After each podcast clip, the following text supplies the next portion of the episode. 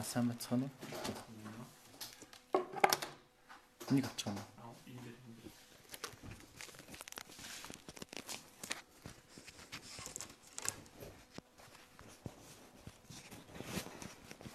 Нэг хоёр. За. За, өнөөдөр та бүхэнтэйгээ эзний өдөр уулзж байгаад баяртай байна. Тэгээд айн библ хэрэггүй юм байна. За. Өнгөрсөн 7 хоногт бид нар Христийн дотор нэгэнгээр бол ах トゥ ус гэдгийг онцгойлон сурсан бол өнөөдөр Есүсийн сургаалт зөвлөлийг сурах гэж байна. За монголчууд үед зүрхцэн үгийг хэрэгэлдэгээр дэлхийд дээгүүрт ордог мундаг арт түмэн гэж би боддог. Нэг үг нь олон салаа утгаар илэрхийлэгдгээс гадна цэцэн мэрэгэн үг нь үнэхээр жинтэй ойлгох тууц хамгийн сайнаар ашигладаг арт түмэн. Жишээлбэл зовлон хэсгээр лам хэсдэг, даахгүй нохоо, болоо хураан гэх мэт маш олон зүрхцэн өгөөд сургаалт зөвлөлөө та бүхэн мэдэх бах. За хүмүүс амьдралын үн цэнийг хайх үед өөрсдийн үзэл бодлыг шууд тусган хүлээлгэх номлогчид шашны удирдагчид дагаж олон болдог. За харин Есүс тэдний нэг байгаагүй. Есүсийн сургаалыг сонсохгүй байх нь тухайн үед ч гэсэн хөвний сонголт байсан хэдий ч тэнд маш олон хүн Есүсийн номлолыг сонсохоор олон олон Библийн гайхамшигтай ойлголт сургамжид үгсийг хайхаар ирсэн байсан. Тэгээ бүгдээрээ өнөөдрийн номлолоор дамжуулан эдгээр зүйлүүдийг ойлгож чадахын төлөө хамтдаа сонсъё, сурцгаая. За бүгдээрээ өнөөдрийн номлын төлөө хамтдаа залбирцгаая. Хайртай бурхан аав минь өнөөдрийн төлөө онцгойлон танд талархаж байна. Таны үгэнд аюул гэж байдгүй бас таны хайранд сүүдэр гэж байдгүй. Таныг таньж мэдхгүйгээс болж гин нүгэлтэй амьдралдаа зуралцсаар байгаа тэрхүү хүмүүс болоод өөрсдийн төлөө танаас уучлалт гуйж байна Таны үгийг зүгээр сонсоод өнгөрөх биш амьдралдаа хэрэгжүүлэгчд байхад та бидэнд хүн нэг бүрт боломжийг олгоорой. Биднийг ивэж юрөдөг бурхан минь таньдаа бид талархаж байна.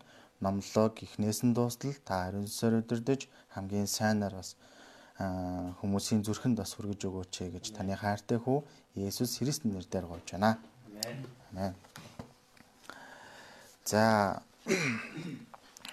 өнөөдөр 3 багц За баг дөрөвч багц хэсгээс өнөөдрийн номлол бүрдэж байна. За эхнийх нь үр цацаж буй тариачны сургаалт зөвлөлийн тухай байна. За тус үйл явдалд Есүсийн нуурын иргэдээ сургаал зааж буй Есүсийн гайхалтай өдөр төрхийг харуулж байна. За харин тэр үед маш олон хүмүүс цугларсан.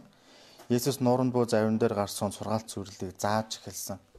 Тэг яг тухайн үед одоо юу гэдгийг 1000, 2000, 3000, 5000 хүн хүртэл Есүсийн үгийг сонсч исэн тэр цаг үед болохоор яаж ингээ Есүсийн үг ингээ тэр хүмүүст хүрж исэн болоо. Одоо ингээ жижигхэн өрөөнд л бид нар нэг микрофон ашиглаад л ингээ сонсох гээд байдаг тий. Тэгэхээр яг энэ зүйлийг ингээ бодохоор магадгүй театрын зохион байгуулалтаар буюу ийм тойрог хэлбрээр үүсгэхийн тулд Есүс завин дээр гараад нууран дээр ингэж гарсан байгаа. Тэгжээж ингээ би одоо уулын бил рүү хүмүүсийг суулгаад ингэж яриан тос сонсогддог. Та бүхэн ч гэсэн юм дүүрийн театр дээр л микрофон хэрэгэлдэг гэдгийг мэдэн тэ. Яг тийм онлоор Иесус ерөөсөө завин дээр гарч хүмүүсийг тойрог хэлбэрээр суулгаад сургаалаа зааж эхэлсэн. За нуурын дэргэдгээ төсөөлөхөөр маш гайхалтай, үзэсгэлэнтэй, усны урсгал сонсогдоо шууд нисэдэл маш үзэсгэлэнтэй орчлон орчинд номл зааж байсан дамжиггүй бах. За Есүс хаанч байсан, гэртж байсан, нуурын дэрэгдж байсан нөхцөл байдал цаг хугацаанаас үл хамааран Бурхны сайн мэдээг зааж байсан. Энэ Бурхны үг л хүмүүсийг амийн өгс амийг өгснөөр амьдралын асуудлыг шийдэх шийдэж өгөх учраас л. Есүс бидэнд олон сургаалт зөвлөлийг заасан. Бурхны хаанчлал, дэндүү гүн гүнзгий, яруу төгөлдөр учраас хүнд ойлгуулж тайлбарлахад хэцүү байд. Тийм ч учраас Есүс хүмүүс ойлгоход хэлбэр аргаар зүйрлэн заасан. Бидний төсөөлдөг зүйрлэл ба ягт үлгэр нь хоорондоо ялгаатай байдаг бөгөөд ягт үлгэр бол уг зүйлийн бэлэг тэмдэг утх нь багтаж байгаа бол зүйрлэл бол нуугдаж буй далд утгыг сайн илэрхийлж гаргахын тулд хэрэгэлдэг. Зүйрлэлийн онцлог бол сонсож байгаа хүндээ гүнзгий ойлголт, урсамж, сэтгэл үлдээдэг ба үннийг мэд гисэн хүнд нууцыг ухааруулan өгдөг байна. Есүсийн үг бол хизээд яруу төгөлдөр гүн гүнзгий бөгөөд шинэлэг амийн хүчээр дүүрэн байдаг. Есүс хамгийн түрүүнд үр цацаж буй хүний тухай сургаалт зөвлөлийг заасан. Есүс үгийг заахын өмнө сонсогтун гэж зааж. Есүс үгэнд хүмүүсийн хүмүүсийг анхааруул чих тавин сонсхийг хүссэн бөгөөд өнөөдөрч биднийг үргэлж чих тавин хүсэл тэмүүлэлтээр сонсхийг хүсэж байна. Энэ нь үгийг сонсох хүсэлтэй хүнд байх хамгийн чухал хандлага. Одоо бүгдээрээ сургаал зөвлөлээ харцгаая. За би унши та бүхэн Библиэ дагаад нэг уншаарай. Сонс үзэгтэн тариачин үр суллахаар гарчээ. Түүнийг үр цацхад зарим нь зам хаваар унаж шууд ирээд иччихжээ. Зарим нь хөрс багтай чулуурхаг газар унаж хөрс нь гүн биш тул тэр дараа соёолжээ. Гэвч тэдгээр нь үндэсгүй учир нар гарахад хорчин атжээ. Зарим нь хогийн ургамал дунд унахад хогийн ургамалд ургаж тэднийг боомлоо. Ингээд тэр ургах зөксөнгүй. Зарим нь сайн хөрсөнд унаж ургаж ургаж өсөөд 30, 60, 100 дахин их болжээ гэв. Тэр сонсох чихтэй нь сонсогдсон гэж хэл. Тэгэхээр тухайн үеийн нөхцөл байдлыг харвал 1-р зууны палестинчүүдийн хувьд тариалан бол маш чухал ойлголт байсан. Тэд газрын хөрсийг ив хавгүй андсаар сэргижүүлэн хагалдаг. Заримдаа тэд тийм ч сайн хагалдаггүй байсан баг. Ингэж хагалсан газар дээр тариачин үрээ засдаг байлаа. Өнөөдөр ч гэсэн манай газар нутаг Монгол улс хаврын тариалан хэрхэн явагдгийг бид нар сайн мэднэ. Мэдээж энэ бол бидний сайн мэддэг ойрхон байдаг зүйл. Өнөө үед машин техник ашиглан тариа тарьдаг бол тэр үед хүн гараараа тарьдаг байсан. Өрнөд тус тусдаа дөрвөн төрлийн хөрсөнд унсныг бид нар сургаал зөвлөлтөөс харлаа. Зарим нь зам хавар унс. Энэ зам нь хөрс болон нарийн замыг хэлж байна. Энэ үр бол хатуу газрыг цоолоод суулгагдаж чадахгүй учраас ийштэй ч өнгөрсөөр явсан. Харин энэ үед өлсөж буй шувуу ирээд идэж орхисон. Зарим нь хөрс багтаа чулуурхаг газар унсан. Энэ үр нь тэр даруй соёолсон. Гэвч хөрс багтаа газар унсан үр нь чулуунаас болоод үнцээ гүнзгий суулгаагүй учраас хангалттай чийг сайн авч чадаагүй ба нарны элчинд хорчин хатсан. Зарим нь өргөц цэцгэн дунд унжээ. Энэ хөрс нь зөөлөн дижээллэг өвжил шимтэй хөрс байсан юм. Гэтэл асуудал нь хогийн ургамал хамт ургаж байсан. Өргөц цэцгэн амийн хүчтэй хургах нь хурдан байдаг. Энэ үрэн сайн ургаж байгаа юм шиг боловч чийг ба тижээлийг бүгдийг нь алдаад эцэст нь хогийн ургамал боомлж ямар ч үр жимс гаргаж чадахгүй гэсэн. Харин үлцэн хэсэг нь сайн хөрсөнд унсан. Энэ үрэн соёолж үнцээ гүнзгий суулгаж чигээ сайн авчээ. Мөн нарны туяаг шингээж сугуссан. Заримдаа хүүтэнд хүүтэн салхилсан ч бээрч унаагүй бөгөөд харин ч бүр гүнзгий үндэслэж ургасан. Цаг нь боломж үр жимсээ гаргаж 30, 60, 100 дахин их болж ариун их үр жим сургалсан. Энэ сургаал зүйлээр дамжуулан үр ямар хөрсөн дээр унах нь хичнээн чухал болохыг харж олно. Нийт цацсан үрний 4-ний 3 нь ургалгүй өгөж байна. Мэдээж үрэнд ямар нэгэн буруу зүйл байхгүй харин хөрсөнд асуудал байна. Үр чухал шиг хөрсний нөхцөл байдал маш чухал гэдэг нь эндээс бид нар ойлгож олно. Үр жимс гаргах гаргахгүй нь үрнээс биш хөрснөөс хамаарах учраас өр бол өөрөө амийн хүчтэй учраас маш олон үр жимсийг гаргах хүч байдаг түнд. Харин тэр үр жимс гаргахын тулд орчин нөхцөл нь сайн бүрдэх ёстой болдог. Үүнтэй адил Бурхны үг бол амийн хүчтэй учраас их үр жимсийг гаргаж болдог. Харин тэр боломжийг бодит болгохын тулд үгийг сонсох бидний сэтгэлийн хөрш хөрс маш чухал юм. 9 дугаар ишлэгийг харвал тэр сонсох чихтэй сонсогтун гэж хэлв. Үүнийг харвал сонсох чихтэй нэгэн байх боловч сонсох чихгүй бас нэг хүн байна. Ямар нэгэн зүйлийг дууг сонсох болон утгыг нь сонсох нь тэс ялгаатай. Үгээр дамжуулан сонсох сүнслэг чихтэй хүн нь үгийг ухаарж алхам алхмаар өсдөг бол харин сүнслэг чих байхгүй нэг нь сонссон ч залхаж өөр юмд сатарч эхэлдэг. Есүс тэдний үгийг хаанг сонсох биш гүнзгий бодоод тэр утгыг ойлгож ухааруулах гэсэн ухааруулах гэсэн үднээс сонсох чихтэй сонсогтун гэж хэлсэн. Харин одоо үр өнөж байгаа дөрөн хөрсний талаар эзэн хэрхэн тайлбарсныг харцгаая. Тэгвэл сургаал зөвлөлийг юуны тулд яах гэж заасан бэ? Олон хүмүүс дундаа сургаалын талаар гүнзгий ойлгохыг хүссэн сүнслэг хүсэлтэй хүмүүс тэнд дунд байсан. Тэд 12 шавьтай хамт байсан хүмүүс бөгөөд тэд Есүсийг ганцаараа байх үед сургаалт зөвлөлийн утга учирыг асуув. Үүнтэй адил сүнслэг хүслээр утга учирыг нь мэдэх гэж асуух нь маш чухал зүйл. Асуухгүй бол юу ч мэдэхгүй өнгөрөх бах. Бид Библийн хичээл хийхдээ ч асуудал болгоно. Есүс Есүс дээр ирж асуух хэрэгтэй. Есүс асуусан хүмүүсээс урам авч үгээ хэлсэн. Тэр тэдэнд айлдан Бурхны хаанчлалын нууц та нарт өгөгдсөн. Харин гадна байгстад бүх юм сургаалт зүрлэлээр ирдэг. Тийм болохоор тэд харан харавж, эс ухаарч, сонсон сонсовч үл ойлгох хүлээ. Ингэснээр тэд эс эргэж буцаж үл уушлагдана гэв. Есүс Бурхны хаанчлалын нууц гэж хэлсэн. Нууц бол нандин бөгөөд нууцлагдсан зүйлийг хэлдэг. Бурхны хаанчл бол Бурхны удирддаг ертөнц бөгөөд шударгаас атааж өтөө байхгүй амийн ертөнц юм. Бурхны хаанчл бол үнэхээр үнтэй сувчиг ба дэндүү баялаг дэндүү нанд юм. Үүнийг олсон хүн бол өөрт байгаа бүх хэд хөрөнгөө залуу нас бүх амьдралаа хөрөнгө оруулалтын олж авах тухай Матай номонд ч гардаг. Тэгвэл энэ Бурхны хаанчл ямар хүмүүст өгөгдөх вэ? Есүс Бурхны хаанчл та нарт өгөгдсөн гэж хэлсэн. Тэр нь ямар хүмүүс юм болоо? Тэд бол сүнслэг хүсэлтэй бөгөөд тэр далд утгыг угаарах гэсэн сонсох чихтэй хүмүүс юм. Тэд цангаж буй бух шиг Бурхны үгэнд цангасан бардам зангаа хойш тавьж өөрсдийн дутыг Бурхны үгээр дүүргэх гэж тасралтгүй хичээл зүтгэл гаргадаг хүмүүс. Ийм л хүмүүс сүнслэг ертөнцийг ойлгож өдөр өдрөөр сүнсээр өсдөг юм аа. Тэр байтугай нүдэнд гялалзан гэрэлдэж амийн хүчээр дүүрэн байдаг. Тэгвэл энэ хүмүүст өгөгдөх сүнслэг ерөөл нь юу байдаг вэ? Үгээр дамжуулан Бурхны мөн чанар Есүсийг хэн болох ариун сүнс ямар шин чанартайг ухаарах сүнслэг ерөөл өгөгдөх юм. Мөн уг нь тальшиг учраас би Бурхны өмнө ямар өргөдмөр гимтэн бэ гэдгээ харж тардаг. Харин энэ үед бид гимээ гашуудан шанлан гимшдэг. Гимээ үннээр улааж гимшиг үед уучлалын авралыг авч өөрчлөгдөж шинэ хүн болон шинэ амьдралаар амьдрна. Тэр үед дотоод гадаад байдлаараа ариун их үр жимсийг гаргаж хангалуун, элбэг дэлбэг, баяр хөөртэй амьдралаар амьдардаг. Энэ үе шатууд нь үгийг сонсож ухаарч авралыг авснаар л бий болдог зүйл юм. Гэтэл адилхан Библийн хичээл хийдэгч ямар ч ухаарал байхгүй хүмүүс байна. Ийм хүмүүс амьдралын талаар гүн бодол байхгүй сүнслэг хүсэлж байхгүй хүмүүс байна. Ийм хүмүүс Библийг зүгээр л мэдлэг төдий ойлгож авдаг. Ийм хүмүүст үгийг заах нь гахаан совдөг шидэгтэй адил үн цэнгүй зүйл болж хувирж байна. Ийм хүмүүсийг Есүс гадны хүн гэж хэлв.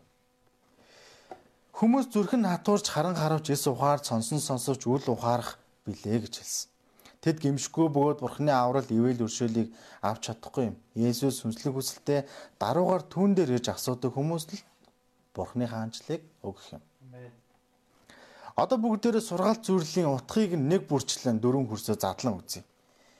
Есүс сургаалт зүрл ямар учир утгатайг асуусан хүмүүст энэ сургаалт зүрлийг та нар ойлгохгүй байна уу?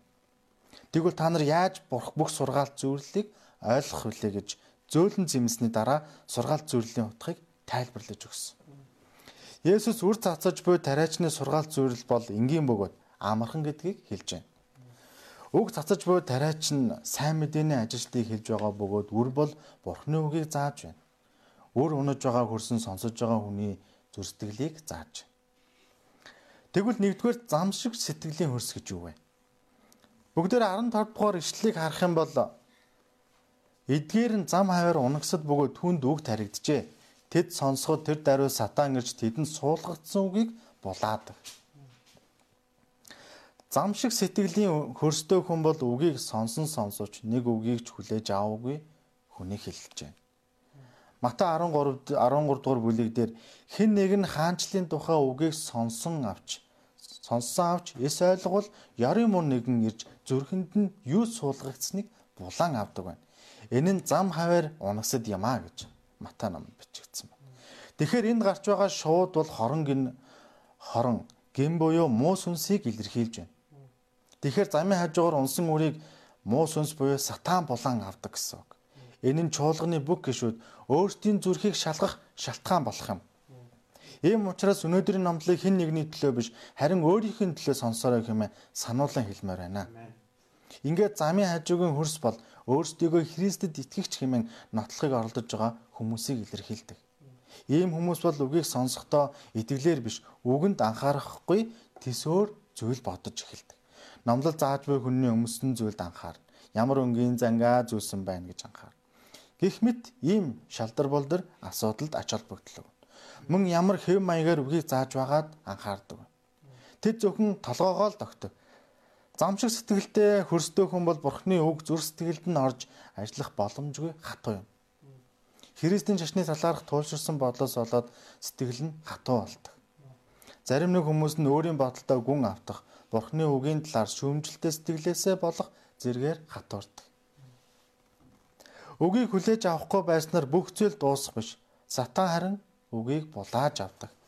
Сатан биднийг гимшиж аврал авахд дургүй байдаг бөгөөд зайлшгүй саад хийх юм. Бид асуудалтай байх үедээ идэвхтэйгээр үгийг барьж, тэнцэж, асуудлыг даван гарах мэрэгүн ухааныг авах боломжтой. Гэвч ихэнх оюутан залууст маань асуудал гарвал Библийн хичээл хийгээс татгалзаж хончноосоо зүхтааж эхэлдэг. Энэ бол сатан үгийг өгөхгүйгээр саад хийж байгаа ажлын нэг л хэлбэр. Замчиг сэтгэлийн хөрсийг гимшил гих анжсаар хангалж хагалж эргүүлээд цэвэр үнэн даруй сэтгэлтэй болгох хэрэгтэй. Тэгвэл үр таригдж өсөх боломжтой байлаа. Дараагийн хөрс болох чулуургас сэтгэлийн хөрс. 16 17 дугаар ишлэлийг харах юм бол үүнчлэн тэдгээр нь чулуурхах газар таригдсан ба тэд үгийг сонсоод тэр даруй баяртайгаар хүлээн авдаг. Гэвч тэд өндөсгүй тул төр зуурих бөгөөд дараа нь үгнээс бол зовлон гавчлах тохиолдоход шууд л бүдрэн ундаг. Чулуурхах газар шиг сэтгэлийн хөрстэй хүний сайн тал нь аяг угаадаг спонж шиг усыг маш хурдан шингээж авдаг. Түүн шиг үгийг шууд баяртайгаар хүлээж авдаг байна. Ийм хүн бол нэг нэгний Библийн хичээлийг идэвхтэй сэтгэлж сайн бичдэг. Бүтэн сайнаа цуглаанаж тасдахгүй үгийг сайн сонсдог. Тэгээд үгийг сонсоод хаалелуя хэмээн хүлээн авч хашгирдаг. Ийм хүмүүсийн хинч харсан сайн сэтгэлийн хөрстэй гэж харна. Хончин ч гэсэн сайнтай боллоо гэж баярлах бах. Бусад хүмүүс ч атаархсан харцаар харна. Гэтэл ийм хүнийг нарийн ажиглан харвал сэтгэл хөдлөлтөө ихтэй тэднийг гэдгийг харж болно. Гэтэл ийм ийм хүмүүс л үгийг гүнзгий хүлээж авах биш зүгээр л сайхан санагдсан учраас хүлээж авдаг. Жолоорхог хөрсөн нимгэн уучраас сэтгэл хөдлөлөөр хүлээж авч байгаа учраас гүнзгий үнцийг суулгаж чадахгүй юм. Үгийн үнцийг суулгахын тулд бидний оюун ухаан ба сэтгэл хөдлөлөө дайчилснаар итгэлийн амьдрал бий болдог гэж хэлж болох юм. Үгийн үнцийг сэтгэлдээ буулгаж чадахгүй хүнд ариун сүнсний жинхэнэ ажил явагдахгүй бөгөөд өөрчлөгдөхгүй. Нэг үгээр хэлбэл сайн мэдээ хүлээж аваагүй итгэлгүй хүмүүс юм. Тийм учраас гүнзгий үнцээ суулгаагүй учраас амьдралын зовлон шанал авчлах хэрэг үед шууд ундаг. Мөн итгэлийн амьдралаас олж алдагдалд орох юм уу ашиггүй зүйл тохиолдвол зүхтаах юм. Илч Паул 2 дугаар Тимет 3:12-д хэлсэнчлэн үндэ Христ Есүс дотор сүсэг бишрэлтэй амьдрахыг хүсэгч бүх хүн хавчигдах болно гэж. Хавчлаг бол биднийг зовоож ямар ч утга учиргүй юм шиг байлгадаг боловч бодит байдал дээр итгэлийн амьдралаар өсгөд их нөлөөлдөг.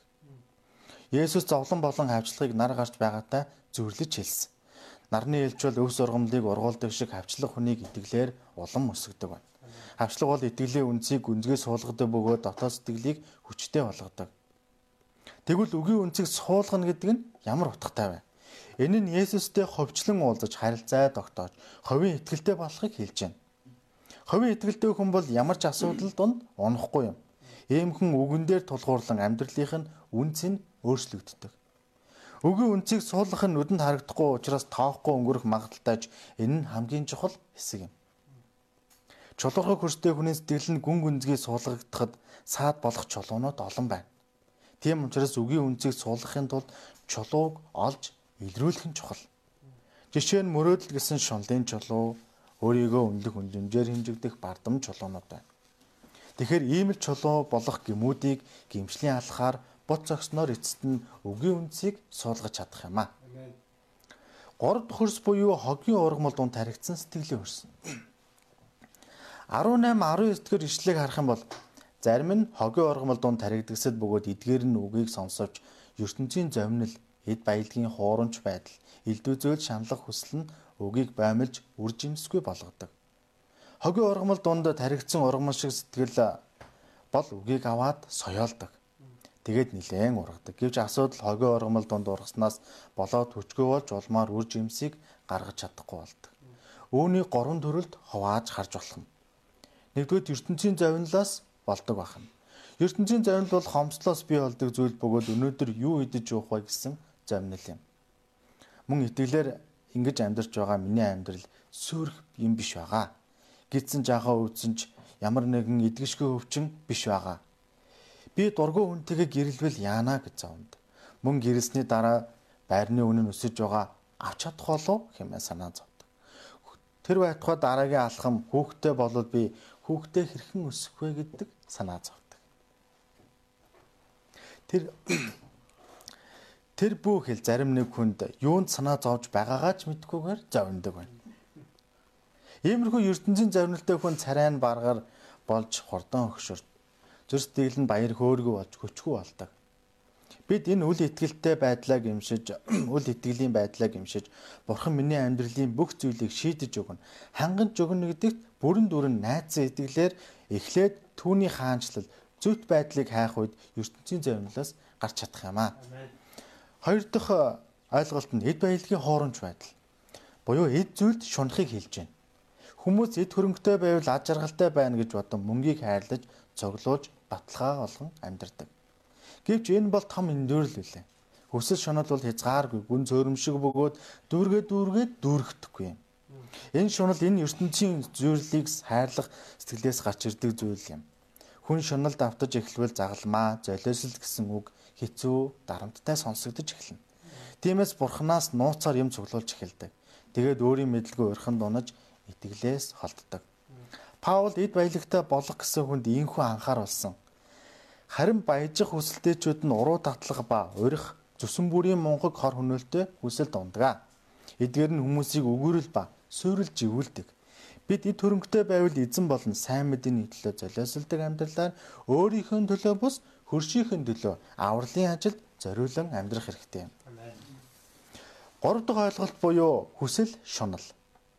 Нэр алдарт шунах, эрх мэдэлд шунах, идэх шунах, унтахад шунах, махан биеийн хүсэл шунах гэх мэт байна. Ялангуяа залуу хүмүүст агуу олно гэсэн шунал хүсэл мөрөөдөл байдаг. Мөн махан биеийн хүсэл тачаалд автагдах нь амархан. Яаку номон дээр тэгээд тачаал нь үр тогтоон нүглийг төрүүлдэг. Нүгэл нь гүйцэд болохоро үхлийг гаргадаг ажээ гэж хэлсэн байна. Үүнээс болоод итгэлээрээ өсөж чадахгүй сэтгэл мэдрэлийн өвчтэй хүн шиг амьдарч байгаа хүмүүс байна. Энэ зүйлүүд нь гимэн суур болдог бөгөөд энэ зүйлүүдийг сэтгэлээсээ сугалж хаях хэрэгтэй. Одоо тэгвэл бүгдээрээ дөрөв дэх хөрс буюу сайн сэтгэлийн хөрсийг хамтдаа сурцгаая. 20 дугаар ишлэлийг харах юм бол зарим нь сайн хөрсөнд суулгагдсад юм. Тэд үгийг сонсоод хүлээн авч 30, 60, 100 дахин их үр жимс гаргана гэв. Сайн сэтгэлийн хөрстэй хүн бол үгийг сонсоод ариун дүүрэн үр жимсийг гаргадаг. Үгийг сонсоод хүлэн авна гэдэг нь үгийн дагуу амьдрдаг гэсэн үг юм. Ийм хүмүүс үгийг хайрладаг ба үгэнд ойрхон байдаг. Үгэнд суйрлан бодож үгнээс хүч авдаг. Ийм хүний амьдралд гимшил болон Христийн талаарх итгэл ариун байдал байдаг. Үгнээс хүчийг аваад бүх гэмт мөн чанар бодлуудаа үгийн өмнө гимшдэг юм. Харин ингэх үед тэр хүний зан чанар өөрчлөгдөж амьдралын хэв маяг нь өөрчлөгддөг. Ийм хүн бол эцэст нь үгээр дамжуулан дотрооч гаднаач төсөөлхийн аргагүй агуй хүр жимсийг гаргаа амьдрах болно. Аа миний амьдралд өнгөрсөн хугацаанд гэрчил хуваалцах маш олон зүйл болж өрнөсөн. Тэгээ өнгөрсөн хугацаанд мөхцөг анжны өвчин, за миний өөрт байдаг бас өвчин ингээд гэр бүлийн юм чулуу болох, хогийн ургамал болох маш олон зүйлүүд байсан. Тэгээ номлоо бэлдэж явах хугацаанд энэ зүйлүүдийг сугалж авч, энэ зүйлүүдийг олж илрүүлэх энэ маш чухал юм байна. Би өдөр бүр одоо талархалтайгаар өнгөрсөн хугацаанд амьдрсан маань бас нэгэн хэлбэрийн чулуу суглах, чулуу олж илрүүлэх, хогийн ургамал түүж хаях энэ нэг хэлбэр байсан юм байна. Мөн өнгөрсөн хугацаанд алдаа оноо бүх зүйлүүд дээр гимшиж Эзний өмнө бас даруй байх нь бас сайн хөрсийг бий болгох нь бас чухал алхам юм байна гэдгийг олж харсан. Тэгээд та бүхэн ч гэсэн бас өөрийнхөө өндөр сэтгэлийг шалган өөрт байгаа тэр зүр сэтгэлийг бурхны үгийг суулгах тийм нөхцөл байдлыг орчин бүрдүүлээрэй гэж хүсэж байна. Тэгээд өнөөдрийн номлын дүгнэлтийг хэлье. Танилцуулъя. Бидний амьдралд үр жимсийг гаргах зайлшгүй өгөгдсөн үүрэгтэй хүмүүс байдаг. Амьдрал бол үр жимсийг гаргаснаар бурханд алдрыг өргөж хүмүүст ивэл болж өөрт баяр хөөр болдог. Харин үр жимс гаргаж чадаагүй шалтгаан бол гадны нөлөөнд биш бид нар өөр хэн нэгэнд буруутгалыг өгдөг үр жимс гарахгүй байгаадаа шалтгаан шалтгааныг бий болгодог. Харин үнэхээр үр жимс гарахгүй байгаа шалтгаан нь таны зүр сэтгэлийн хөрсөнд байдаг юм байна гэдгийг өнөөдрийн номлол та бүхэнд зааж өгч байна. Хүмүүс бидний амьдралд яг л үр тариа шиг байдаг. Бурхны сайн мэдээг хүлээн авч аврагдаагүй бол хогийн ургамал шиг хатаж хорчсоор амьдралын гэрэл гэгээ тэрхүү жинхэнэ хайрын баялаг элч дулааныг мэдрэхгүй байсаар орчлонгоос үүр далга болох нь үнэхээр эмгэнэлтэй. Тэгвэл Бурхныг таньж мэдэн түүний өнгийг зүрхэндээ оруулснаар үр жимстэй амьдрах сайхан амьдралыг тэр бидэнд бэлгэлэхтэй дуртай байдаг юм аа. Бурхны үг бол бидний амьдралыг цэцгэлүүлэх тэрхүү үр юм. Хэрвээ таны зүр сэтгэлд нээлттэй бөгөөд түүнийг мэдхийг бас хүлээн зөвшөөрөхийг хүсэж байвал Бурхны ариун сүнс зүр сэтгэлд нь үнийг авчирж өгөх болно. Бидний зүр сэтгэлийн хөрс нь миний таны хичээл сэтгэл хандлагаас шалтгааллах зүйл учраас хижээж хизээж сайн хөрс болгож болох юм. Энэ цагт би үр жимс ургуулж чадахгүй байгаа сэтгэлийн хөрс юу гэдгийг тэр шалтгаанаа олоод сайн сэтгэл сайн сэтгэлийн хөрс болгон шинчлэн 30 60 100 дахин их ариун үр жимсийг гаргаж чадахыг хүсэн гуйж байна. Баярлалаа. Тэгээ өнөөдрийн номлолоор та бүхэн олон зүйлийг ойлгож олон зүйлд бас талархсан гэдэгт итгэж байна. За бүгдээрээ хамтдаа талархах цаг гаргацгаая. Эзэм минь бид өнөөдрийн үгийн төлөө онцгойлон талархаж байна. Бид таны үгийг зүгээр сонсоод өнгөрдөг биш харин зүр сэтгэлдээ амьдралдаа хэрэгжүүлэгчд байхаа та туслаарай. Таны үгийг 7 хоног бүр сонсохдоо хадгалаад дараад өнгөрдөг биш харин бусдад ойр дотны хүмүүст оюутан залууст хэлж танилцуулж ятгаж хамтдаа ивэл авахыг хүсэн гож байна. Та тэрхүү боломжоор биднийг дүүргэж өгөөч. Би танд бүх зүйлээ даатгаж байна. Та бидний амьдралаар дамжуулан алдаршааж Есүсийн нэрээр гуйж байна. Амен. За.